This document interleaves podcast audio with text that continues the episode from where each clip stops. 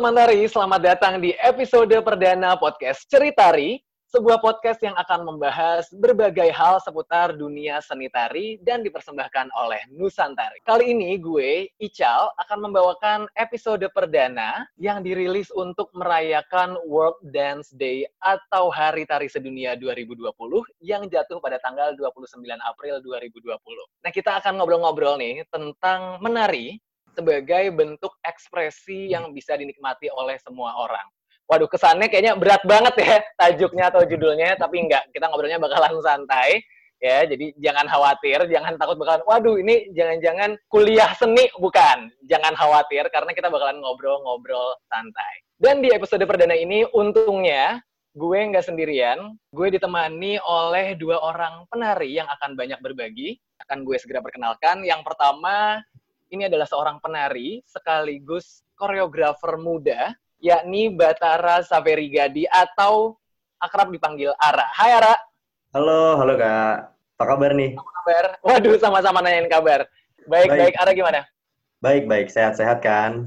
Lagi sibuk apa nih? Sekarang lagi ini sih, apa namanya, bikin video buat seniman tari gitu kan. Jadi uh, hmm. aku kebetulan dapat bantuan 40 koreografer waktu itu wow. sempat ngajuin terus kepilih di 40 itu jadi kita harus bikin karya dan besok itu terakhir ngumpulinnya. Wow, oke. Okay. Nah, iya ini juga mungkin biar um, apa ya dapat konteksnya juga kali ya bahwa saat ini kita rekamannya ini dari tempat yang berbeda-beda ya antara gue Ara dan juga bintang tamu kita yang satu lagi yang belum diperkenalkan. Jadi Ara berarti bikin karyanya juga itu adalah karya yang jarak jauh juga ya? Iya, jadi karyanya solo. Jadi tung uh, kita tunggal bikin koreografi di rumah seputaran ruang rumah terus nanti videonya itu akan dikirim dan ditayangkan di video apa namanya akun YouTube-nya budaya saya. Budaya saya. Oh, berarti punyanya Kemdikbud ya? Ya. Wow, oke. Okay. Keren keren. Oh ya, kurang lengkap juga nih kalau misalnya tadi gue cuma bilangnya penari dan koreografer muda, kurang lengkap kalau nggak disebut penari dan koreografer muda berprestasi. Iya, yeah. karena nih lima tahun yang lalu Ara meraih anugerah kebudayaan dari Kemdikbud untuk kategori remaja berprestasi. Kalau sekarang tuh umur berapa sih? Sekarang itu 23. Sekarang 23. Nah. Oke, okay, 23 berarti lima tahun yang lalu tuh sekitar umur 18 ya? Ya, sekitar 18 tahun. Wow, 18 tahun sudah meraih anugerah kebudayaan. Ini pastinya bakalan seru banget ngobrol-ngobrol sama Ara. Kita akan kenalan dulu juga sama bintang tamu kita yang kedua nih. Yakni seorang penari dan guru seni di sebuah sekolah sekaligus seorang ibu muda dari seorang anak, yakni Mutiara Falahdani atau Yara. Hai Yara. Hai, halo. Oh ini kita kayak ini ya, kayak kalau lagi liputan gitu di apa di acara berita yang agak ada delay-delaynya sedikit gitu. Oh ya, uh, kenapa tadi gue harus menyebut bahwa Yara ini ibu muda? Karena Yara ini waktu hamil anaknya ini masih tetap menari, betul ya Yara ya? Betul, betul. Sama Nusantari juga. Sama Nusantari. Wow, ini luar biasa banget sih waktu itu emang jadi buah bibir banget karena di saat kandungannya sudah besar pun masih tetap nari-nari, muter-muter, ikutan olah tubuh juga luar biasa banget. Selain ngurus anak, kesibukannya apa lagi nih, Yara? Sekarang lagi ngajar jarak jauh dari rumah. Oh, yeah. berarti emang ini ya eh, guru guru mata pelajaran gitu ya? Iya, benar. Guru mata pelajaran, guru, guru mata pelajaran. Guru ekskul berarti ya? atau guru ekskul juga? Bukan, bukan guru ekskul. Tapi uh, sebenarnya ekskulnya juga. Cuma karena lagi physical distancing, jadi nggak ada ekskulnya. Oke, berarti Yara ini adalah guru mata pelajaran, sekaligus juga guru ekskul juga, tapi untuk saat ini uh, ekskulnya lagi libur ya? Enggak. Yep. Oke, jadi kali ini kita bertiga bakalan ngobrol-ngobrol seputar menari sebagai bentuk ekspresi yang bisa dinikmati oleh semua orang gitu ya atau mungkin singkatnya tuh kita mau ngobrolin bener nggak sih bahwa semua orang tuh bisa menari atau semua orang tuh boleh menari. Sebelum bener-bener masuk banget nih ke topiknya, mau nanya dulu ke Yara deh. Yara, yeah. lo mulai nari sejak kapan? Mulai nari dari SD sih udah nari, ikut-ikut hmm. sanggar-sanggar dekat rumah. Tapi itu juga gue nggak nggak begitu nekunin banget sih ya. Jadi cuma sekedar karena seneng, karena suka waktu masih kecil ya. Begitu kuliah baru mulai nekunin nari. Oke, berarti memang setelah mencoba pas masih kecil itu ngerasa seneng gitu ya? Betul. Dan apakah itu juga yang membuat uh, Yara masih terus nari sampai sekarang sampai udah punya anak kecil gitu dari anak kecil sampai udah punya anak kecil? Iya dong, iya dong. Karena segitu besarnya rasa suka gue, rasa cinta gue sama nari, jadi gue tetap nari. Oke, jadi karena emang suka gitu ya. Eh sorry, sebentar. Awalnya banget masuk sanggar-sanggar itu karena emang pengen gitu atau uh, diajak orang tua atau gimana nih? Karena emang pengen. Pengen. pengen. Iya. Pengen tuh karena ngeliat di TV atau karena ada kakak atau siapa gitu? Awalnya tuh nggak sengaja diajak guru di sekolah. Kebetulan gurunya ini punya sanggar, uh, disuruh nari deh. Okay. Awalnya cuma untuk acara sekolah, tapi lama-lama ngerasa kok kayaknya seru ya nari.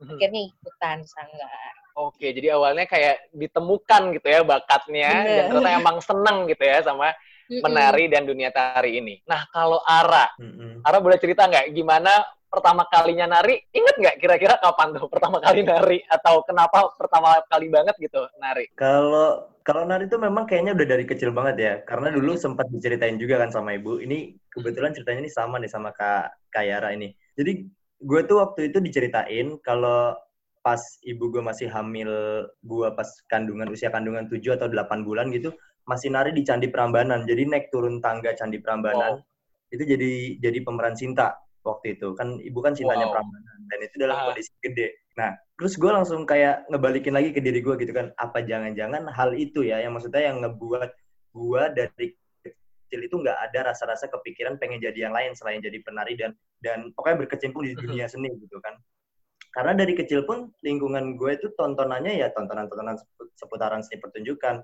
Gimana bapak ibu gue apa namanya mengkonsep sebuah event sampai akhirnya jadi gitu kan. Jadi secara otomatis sih lingkungan itu ngebentuk gue banget untuk gue akhirnya sampai sekarang itu nggak ada kepikiran untuk berhenti dari dunia tari gitu. Okay. dan ya apa namanya beruntungnya juga sebuah apa ya mungkin anugerah juga dari dari Tuhan gitu kan. Namanya bakat kan pasti semua orang udah dikasih sama Tuhan sama sama Tuhan kan.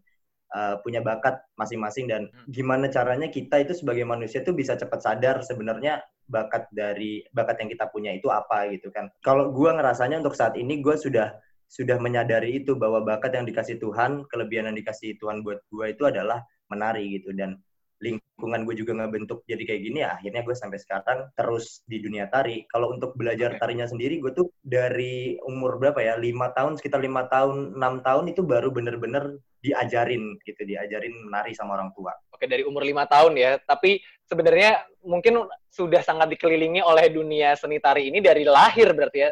Eh atau sorry lahir. bahkan dari sebelum lahir. ya? Karena lahir, masih di perut ibu aja udah dibawa nari ya kan? Jadi bisa dibilang sebenarnya ya Ara dari sebelum lahir udah nari dan Yara juga dari kecil banget juga udah nari gitu ya. Nah, uh, kalau ngomongin nari dari kecil, sebenarnya nari itu apakah memang harus mulai dari kecil atau sebenarnya pas udah gede itu nggak apa-apa? Boleh Ara? Kalau gue sih nggak apa-apa sih karena dengar cerita pengalaman ibu ibu gue juga, beliau itu baru belajar nari itu SMA dan oh, ya? iya belajarnya itu baru SMA karena sejak kecil tuh ibu tuh sinden di apa kampung gitu kan jadi dalang bapak bapaknya kan hmm. dalang hmm. terus habis itu ikut ke mana-mana kalau lagi ada pentas-pentas wayangan gitu kan hmm. semalam suntuk nah baru belajar lagi itu di SMKI di SMA jadinya ah, dan iya, iya. ibu itu membuktikan bahwa belajar dari SMA itu bukan sesuatu yang terlambat yang penting niat kita mau belajar terus belajar dan memperbaiki diri akhirnya bisa sampai sekarang di panggung wayang orang juga ibu cukup diperhitungkan gitu sebagai penari putri. Oh ya mungkin tadi belum sempat kita bahas juga ya gitu bahwa Ara ini adalah putra dari Ibu Dewi Sulastri ya Ra ya, yang Ibu mungkin Dewi bisa kita bilang sebagai salah satu maestra tari Jawa mungkin sekarang ya Ra ya. Hmm, jadi emang nggak heran bahwa dari sebelum lahir pun Ara ini sudah kenal sama dunia tari. Oh ya tadi juga dibahas sama Ara bahwa mungkin nggak semua orang ketemu uh, dunia tari atau ketemu minat sama dunia tari ini dari kecil banget kayak Ara.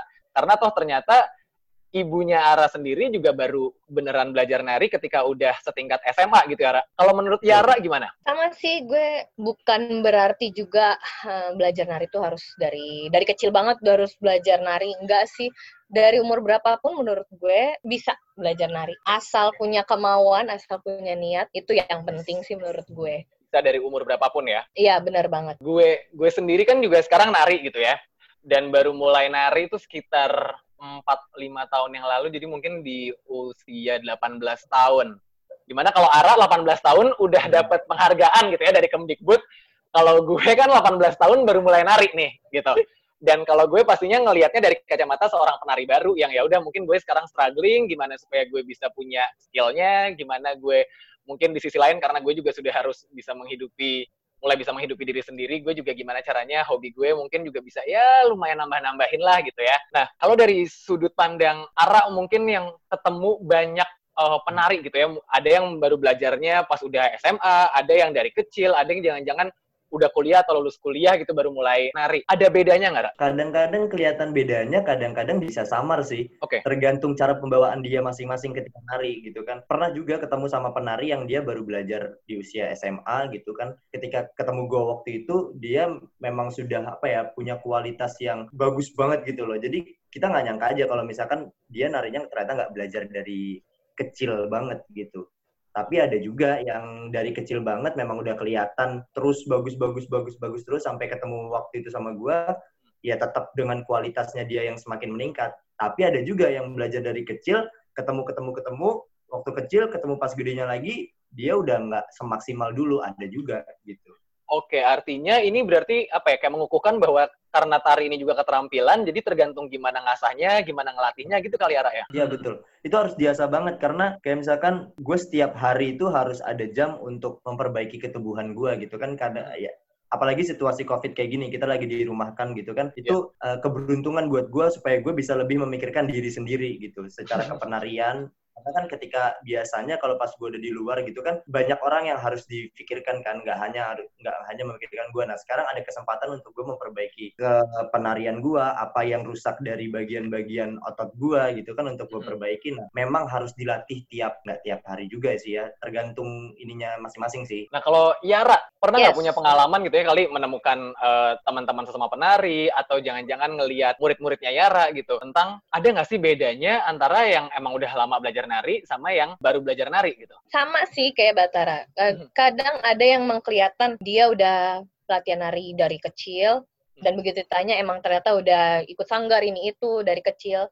Tapi ada juga yang ternyata begitu gue tanya, enggak gue baru mulai kok, baru mulai kuliah tapi ternyata skillnya udah udah bagus banget dan itu gue ada ketemu juga penarik kayak gitu. Oke, kalau dari sudut pandang sebagai guru gitu ya, seberapa berpengaruh? Gak begitu pengaruh menurut gue. Buat okay. gue ya, selama gue menemukan murid-murid gue atau misalnya ada beberapa siswa gue yang ikut sanggar, terus ada juga yang baru mulai nari, itu nggak begitu pengaruh karena begitu pas latihan gue selalu terapin ke mereka untuk kita sama-sama mulai dari nol. Jadi kalau bisa apa pun habit yang udah pernah dipelajari atau dibentuk, kalau bisa dilepas dulu. Jadi kita sama-sama mulai dari nol. Dan itu menurut gue juga salah satu yang ngebantu sih untuk murid-murid gue supaya antara yang udah pernah nari dari kecil sampai sekarang hmm. atau yang baru mulai nari tuh sejajar posisinya. Oke. Okay. Gitu. Yang baru mulai nari pun nggak minder. Mm -hmm. Oke, okay, dan ini berarti memang siapa pun bisa mulai menari dari usia berapapun gitu ya? Iya. Oke, jadi mungkin nih buat teman tari yang juga mendengar atau mungkin ada yang belum pernah menari gitu ya, mendengar selama ini mungkin pengen nari tapi ngerasanya aduh jangan-jangan gue udah ketuaan gitu.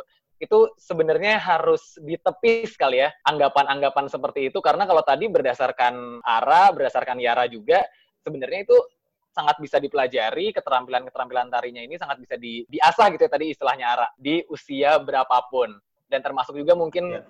kalau gue menambahkan dari sudut pandang gue yang baru belajar nari gue juga menemukan sih gitu teman-teman yang ternyata udah di usia lebih tua dari gue baru mulai belajar nari dan memang sebenarnya sangat mungkin buat dilatih keterampilan menari ini. Tadi kita udah ngomongin soal usia. Nah, berikutnya ada juga nih hal yang kadang bikin orang membatasi dirinya dari nari yakni soal bentuk tubuh gitu. Karena gue menemukan sih kadang ada aja nih teman gue yang ngerasanya aduh gue udah nggak pede nih nari badan gue udah terlalu melar gitu. Yang dulunya nari sekarang udah nggak nari gitu. Atau ada juga yang ngerasa duh gue tuh sekarang terlalu kurus, jelek kayaknya kalau gue nari. Nah, gimana nih pendapat kalian? Gue juga sebenarnya pengen banget nih ngomong nih kalau soal bentuk tubuh. Mungkin boleh dari yang udah ketawa duluan, Yara gimana Yara? Kalau bentuk tubuh ya menurut gue nggak nggak berpengaruh sih. Mau bentuk tubuhnya melar kah atau yang malah kecil banget kah?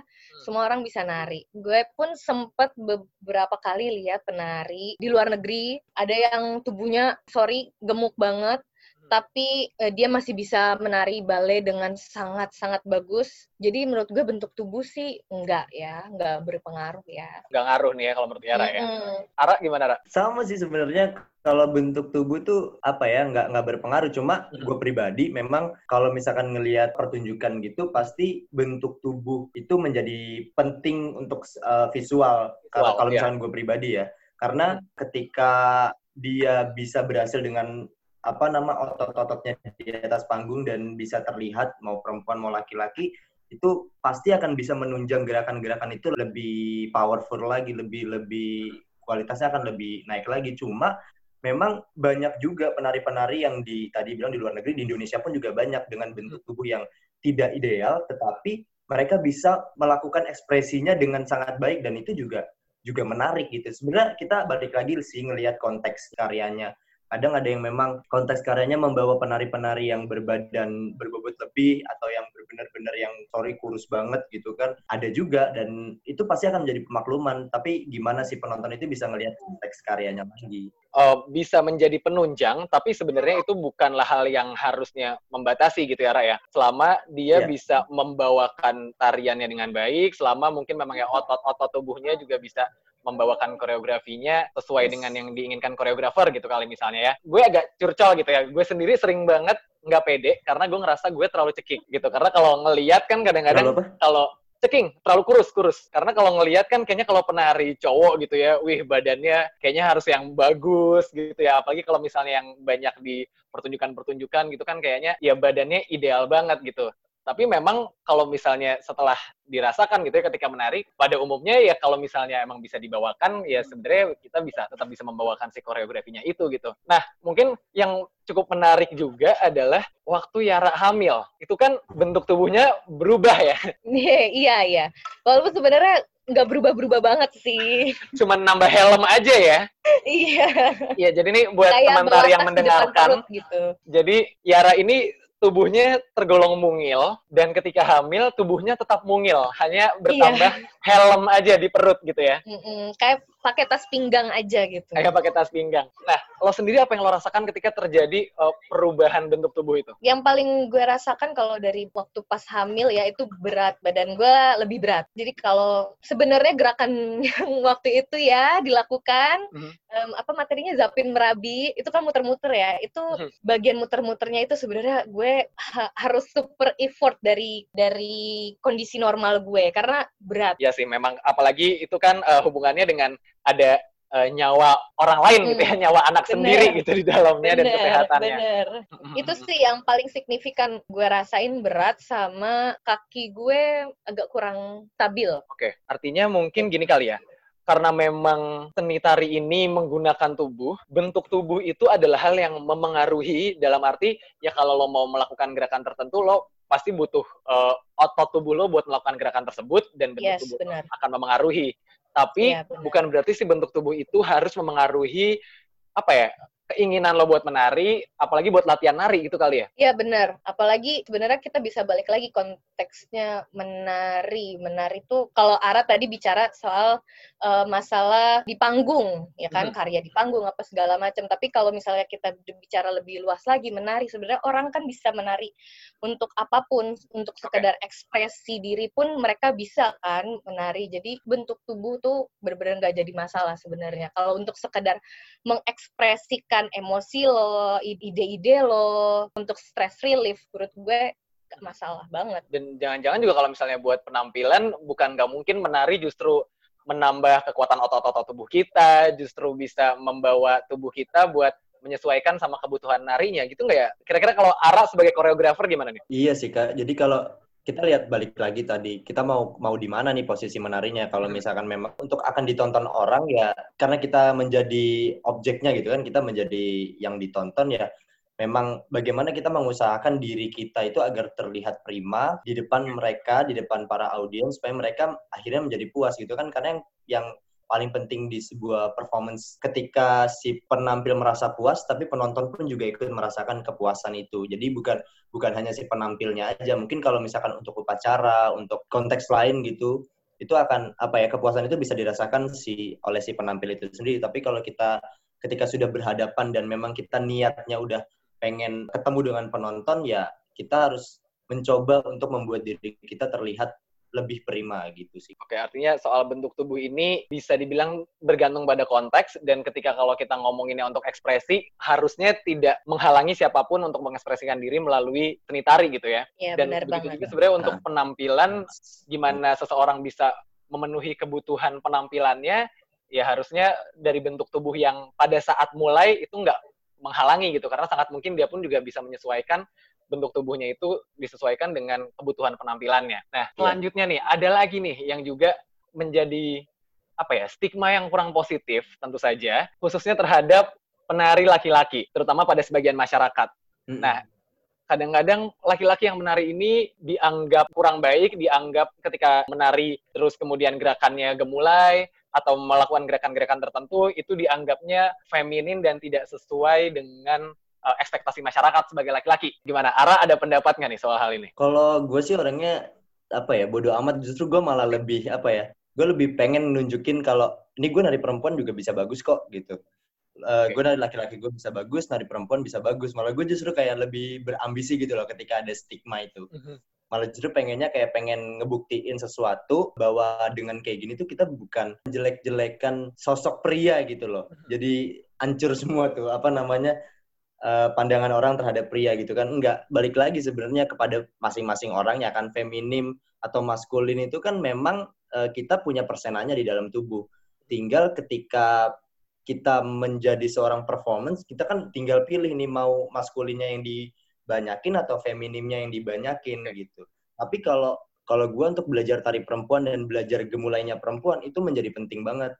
Karena gue pribadi harus memperbanyak vocab yang gak gue dapet di tari-tari putra itu adalah lekuk-lekuk badan yang lebih fleksibel dan lentur yang itu biasanya ada di tari-tari perempuan makanya kenapa gue mengimbangi antara belajar tari perempuan dan laki-lakinya itu. Oke, apalagi lo sebagai koreografer ya, lo juga harus belajar banget gitu, baik tarian putra maupun tarian putri. Iya, Dan yang jadi menarik banget adalah bahwa ternyata yes. bukan yang menghalangi seorang Batara, tapi justru menantang gitu ya. Ara justru semakin tertantang ketika melihat adanya Gua- stigma, oh, Iya, waktu itu gue kalau misalnya di rumah nih kan gue nari di eh, atas gitu kan di balkon. mm, anak-anak kecil gitu pada eh, lewat-lewat gitu kan pada ketawa apalah gue Ah. justru malah lebih kayak lebih semakin percaya diri gitu loh anak-anak cowok-cowok kecil-kecil kan belum pada ngerti ya biasanya kenapa sih eh, cowok kok gini di atas nari-nari nggak jelas gitu kan. Gue justru malah semakin ini dengar ketawaannya mereka gitu gue semakin lebih semangat malah Oke oke. Dan juga tadi salah satu poin penting dari Ara gitu yang mungkin juga bagus banget buat gue gitu sebagai penari laki-laki adalah untuk melihat tarian ini sebagai seni gitu kayaknya ya. Kalau gue dengar dari Ara tadi ya bukan bukan melihat bahwa orang yang melakukan gerakan-gerakan gemulai misalnya itu terus kemudian kepribadiannya pun juga sesuai dengan apa yang dia gerakan gitu melainkan laki-laki yang sedang melakukan tarian ini ya memang sedang mengekspresikan dirinya, sedang melakukan apa ya, sedang mempertunjukkan sebuah karya gitu kali ya. Oke, nah Yes, sekarang kalau betul. kita lihat dari sudut pandang perempuan, gimana menurut Yara? Enggak sih kalau gue ngelihatnya nggak ada masalah ya, maksudnya mau laki-laki nari gemulai, mau laki-laki nari tegas. Sebagai penari memang menurut gue maupun gue ya seorang perempuan, gue harus bisa siap untuk berbagai macam kondisi dan situasi karya. Kalau Oke. misalnya dituntut untuk lebih feminim ya udah feminim. Kalau dituntut lebih maskulin udah maskulin. Tapi balik lagi ini kan sebuah karya. Kita sebagai penari ya emang harus pinter-pinter menempatkan diri kita bukan berarti oh dia narinya feminim ih cowok nari feminim berarti gimana gimana enggak enggak bisa juga masyarakat eh, menilai kepribadian seseorang cuma karena karya tari itu nggak bisa sih Oke, jadi memang harus melihat sebagai apa ya, sebagai karya seni gitu ya. Ketika kita Hmm, bicara tentang tari, nggak boleh serta-merta terus kemudian dihubungkan dengan bagaimana dirinya sebagai laki-laki atau sebagai manusia gitu, jangan-jangan secara umum gitu ya. Karena toh yang Iya. perempuan juga yang perempuan pun juga ada gerakan-gerakan yang tegas, ada gerakan-gerakan yang maskulin juga gitu ya. Benar, benar. Nah, kadang-kadang kita menemukan, ini sebenarnya termasuk diri gue nih ya, orang-orang yang menari dan merasa sulit nangkap gerakan gitu, atau susah ngafal koreografi. Apakah kalau misalnya orang udah ngerasa, aduh gue nggak bisa nih nangkap gerakan tuh susah banget, orang-orang udah pada bisa, gue kayak setengah jam setelahnya baru bisa gitu. Atau ketika ngafalin koreo, ada yang, wah cepet banget nih, pertemuan berikutnya udah bisa. Ada juga yang, aduh lupa mulu, lupa mulu gitu. Apakah ini membuat seseorang menjadi penari yang buruk ketika dia susah nangkap gerakan atau susah ngafalin koreo gitu. Yara mungkin udah senyum-senyum duluan nih sebagai guru tari. Oke, okay. uh, menurut gue sih enggak ya. Baik atau buruknya itu relatif. Oke. Okay. Karena belum tentu lo yang jago misalnya yang 10 detik baru dapat gerakan terus langsung langsung bisa itu punya attitude yang lebih baik dengan temen kita yang misalnya baru sejam kemudian baru bisa gitu. Soalnya gue banyak banget nemuin teman-teman gue yang emang mereka skill pemahaman gerak tarinya tuh nggak begitu bagus, tapi kemauan merekanya itu yang besar banget. Mereka nambahin jam latihan mereka sendiri di luar waktu latihan kayak jam istirahat atau setelah latihan pun mereka tuh masih latihan. Jadi menurut gue ya. penari yang baik tuh bukan soal dia bisa cepat tangkap gerakan atau dia skillnya wow udah mumpuni banget melayang lah ya, gitu. tajam gitu ya. Waduh, melayang tajam. tapi soal attitude sih. Jadi di situ ada apa ya? Attitude ada poin kerja keras gitu kali ya. Kalau misalnya memang mungkin ngerasa ada kekurangan Bener. di salah satu titik gitu, bisa mengejar dengan ya usaha-usahanya dia dan itu termasuk attitude sebagai penari juga gitu ya kalau tadi menurut Tiara. Benar. Menurut Ara gimana, Ra? Kalau masalah hafalan ya, itu balik lagi sih ke masing-masing orang. Tapi kalau untuk menentukan bahwa yang hafalan cepat berarti dia narinya bagus sih, aku nggak setuju sih ya. Karena cara menghafal orang itu kan beda-beda gitu kan. Hmm. Nah, gimana caranya kita dalam satu kelompok itu bisa support satu sama lain untuk mempercepat sil yang lambat itu supaya lebih lagi cepat dan memperlambat si yang cepat itu supaya seimbang gitu. Mm-hmm. Itu yang yang yang kadang-kadang seru sih kalau di dalam koreografi sebuah kelompok gitu kan. Cuma mm-hmm. kalau memang tuntutannya memang harus cepat ya itu sih kadang-kadang yang yang lama untuk ngafalin itu yang agak sedikit menghambat. Tapi kalau untuk tuntutannya yang cepat ya, kalau misalnya kita hmm. harus selesai nih seminggu ini, tapi yang ini tuh memang, aduh, nggak ngapal-ngapalin banget gitu. Nggak tahu dia nggak ngafalin atau memang dia kesulitan untuk menghafal. Nah, tapi kalau untuk tadi menentukan bahwa dia yang hafalannya lebih lambat itu berarti dia kualitasnya nggak bagus, aku nggak setuju juga sih. Okay. Karena aku termasuk orang yang hafalannya itu susah untuk tarik okay. kelompok ya untuk tarik kelompok. Jadi kadang-kadang kalau misalkan udah bikin koreografi gitu kan dilempar ke penari, habis itu lupa geraknya tuh apa. Tapi kalau misalkan mereka memperagakannya nggak sesuai sama apa yang aku kasih tadi, aku tuh kayak ngeh gitu loh. Kayaknya tadi bukan itu deh. Ini ada yang kurang nih okay. pas ini. Kadang-kadang mereka suka curang soalnya. Kayak mereka mereka nggak apa. Terus sedikit rubah tapi di sini tuh kerasa gitu loh. Ini ada yang dirubah nih, ada yang dirubah okay. gitu dan itu apa ya menjadi menarik banget. Karena aku nih aku sampai kadang-kadang dimarahin sama penariku kalau misalkan uh, teman-teman penari gitu ya. Kalau misalkan aku ikut dalam penari kelompok gitu. Karena aku itu bisa bisa ngecoh orang tujuh gitu. Jadi orang tujuh itu bisa ikutan salah gara-gara gara-gara aku salah gitu. Kadang-kadang ya pasti itu selalu dimarahin terus sama mereka mereka kalau aku udah narik kelompok. Makanya mereka udah lu tunggal aja deh gak usah ikut-ikut kelompok gitu Oke oke, tapi itu kayaknya memang cukup lazim ya karena beberapa kali juga gue kalau ketemu koreografer kadang kalau koreonya baru sambil dibikin gitu ya, sambil dibikin, sambil proses juga, kadang-kadang ya ya karena keterbatasan juga sih pasti ya. Keterbatasan slot memori gitu kan ketika bikin langsung di lapangan sangat mungkin hari ini nyontohinnya begini kok tiba-tiba pas besok latihan kedua oh, mas mas sorry kok beda ya gitu. Nah. Ini pendapatnya Yara dan Ara uh, agak menguatkan gue sih jadinya. Karena kalau gue gue setelah tahu gerakannya mungkin gue lebih mudah menghafal gitu ya. Tapi gue suka susah untuk bisa nangkep gerakan. Jadi kayak untuk membuat gerakannya tuh refleks atau otomatis gitu loh. Oh abis gerakannya gini lanjutnya gini lanjutnya gini. Wah itu lama banget. Kalau udah hmm. inget sih hafal gitu ya. Enggak yang di tengah-tengah tiba-tiba lupa-lupa gitu. Cuman ketika harus menangkap wah itu kayak wah gue mundur dulu deh ngeliat yang lain dulu terus harus di rumah ngulang-ulang lagi jadi mungkin itu bukan hal yang menentukan seutuhnya apakah penari itu bagus atau enggak gitu ya ketika dia ngerasa uh, aduh gue susah nangkap gerakan atau gue susah ngafal koreografi karena ada banyak hal lainnya lagi yang membuat seorang itu bisa jadi penari yang baik gitu kali ya. Oke. Okay. Nah, selanjutnya nih kita tadi udah ngebahas banyak banget stigma yang dari gue nih, gue yang mengajukan gitu kan tadi. Kalau buat lo berdua yang mungkin bisa dihitung sebagai penari profesional atau penari pro, semi profesional gitu. Ada nggak sih stigma atau hal-hal lain yang kalian temukan atau kalian rasakan yang menghambat seseorang buat mencoba menari atau mau mulai nari gitu? Kalau gue biasanya gue nemuin orang yang mereka cenderung minder karena yang lain tuh teman-temannya udah pada bisa nari, dia nih baru mau mulai. Rata-rata kayak gitu sih yang banyaknya gue temuin ya. Jadi karena dia baru mau mulai, dia minder duluan ngelihat teman-temannya yang lain udah pada bisa, gue belum bisa, nggak ada, yeah, gue yeah, yeah. malu nyobanya. Mm-hmm. Nah itu sih yang banyak gue temuin. Yang artinya sebenarnya tadi udah sempat lo bahas juga ya bahwa itu nggak harusnya nggak menghalangi seseorang buat nari karena nari bisa dipelajarin, skill atau keterampilannya pun bisa dilatih dan diasah terus juga gitu ya.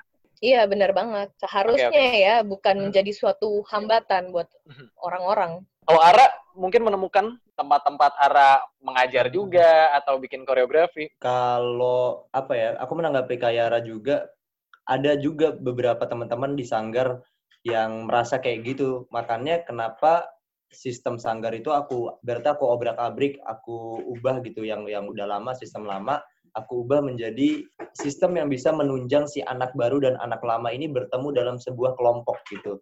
Yang akhirnya mereka bisa bersinergi. Bagaimana si yang baru ini bisa cepat untuk menangkap uh, materi kelompok yang akan disajikan dan si yang lama ini bisa sabar untuk bagaimana mereka bisa satu visi satu kelompok ini untuk mencapai hasil di ujian nanti gitu. Nah, makanya ada beberapa sistem yang yang memang kita bikin di Sanggar itu agak sedikit berbeda supaya itu bisa bikin yang baru itu semakin lebih semangat lagi dan untuk menambah wawasannya gitu. Kalau aku sendiri kalau kalau aku ya bukan buat teman-teman yang baru belajar nari tapi stigma ini penari tradisi nggak bisa untuk nari yang modern entertaining gitu tapi atau sebaliknya penari modern pasti uh, susah nih untuk belajar tradisi ini gitu hmm. aku aku pengen pengen coba apa ya leburkan itu sih gimana okay. caranya kita tuh sebagai penari tuh kayak misalkan aku gini aku nggak menutup diri untuk belajar seni-seni karena aku hidupnya dari tradisi aku nggak menutup diri untuk belajar seni-seni modern dan kadang-kadang yang aku temui aduh lu kalau nari modern aneh deh gitu mungkin karena lu udah kebanyakan bentuk tradisinya kali ya jadi uh, terlalu kuat bentuk tradisinya sehingga lu untuk loncat ke modern agak gimana nih gitu. Nah, aku aku sekarang gue pengen mencoba mem membuka tubuh gue sih untuk mem menghapus stigma itu. Tidak mengotak-ngotakan gitu ya. Tidak membuat sekat-sekat antara ya, oh gue penari tradisi, lo penari modern, gue nggak bisa lo, lo nggak bisa gue kayak gitu. Itu harusnya udah harus dibuang gitu ya mindset atau pola pikir yang kayak gitu. Yes. Oke oke. Wah ya, ini menarik banget. Ini menarik banget. Yara juga nari tradisi dan modern juga? Gue bukan modern sih, tapi udah setahun ini gue mencoba ke kontemporer. Sempet sih ngerasain yang kayak Batara beberapa kali coba mau ikut project, eh, beberapa project untuk kontemporer, tapi entar dulu ya karena ngelihatnya background gue adalah penari tradisi. Karena ada si genre-genre ini ya yang kadang -hmm. jadinya membatasi diri sendiri atau jangan-jangan membatasi orang lain buat ngajak kita juga gitu karena taunya kita mungkin fokusnya ke tradisi, ke modern, ke kontemporer atau salah satu genre tertentu lah ya. Iya. Gitu. Oke, ini menarik banget dan kayaknya sangat mungkin nanti kita bikin juga nih episode tersendiri yang ngebahas tentang genre tari. Wah, siap-siap mungkin nanti Ara yes. atau Yara atau dua-duanya bakalan diundang lagi buat topik-topik okay. selanjutnya ya. Karena ini juga wah, ini menarik banget sih memang buat dibahas gitu. Nah, kalau misalnya ada orang yang mau belajar nari gitu ya, atau mungkin ada kenalannya, ada keluarganya yang juga pengen belajar nari. Gimana sih memulai belajar nari itu sebenarnya? Arah dulu, arah dulu, coba. Kalau aku yang pasti niat. Itu mau okay. di mana-mana, mau belajar apa pun, kalau udah ada niatan, pasti akan susah. Yang kedua, kita harus pertimbangin dulu konsekuensinya gitu. Karena kita sudah memilih sesuatu nih.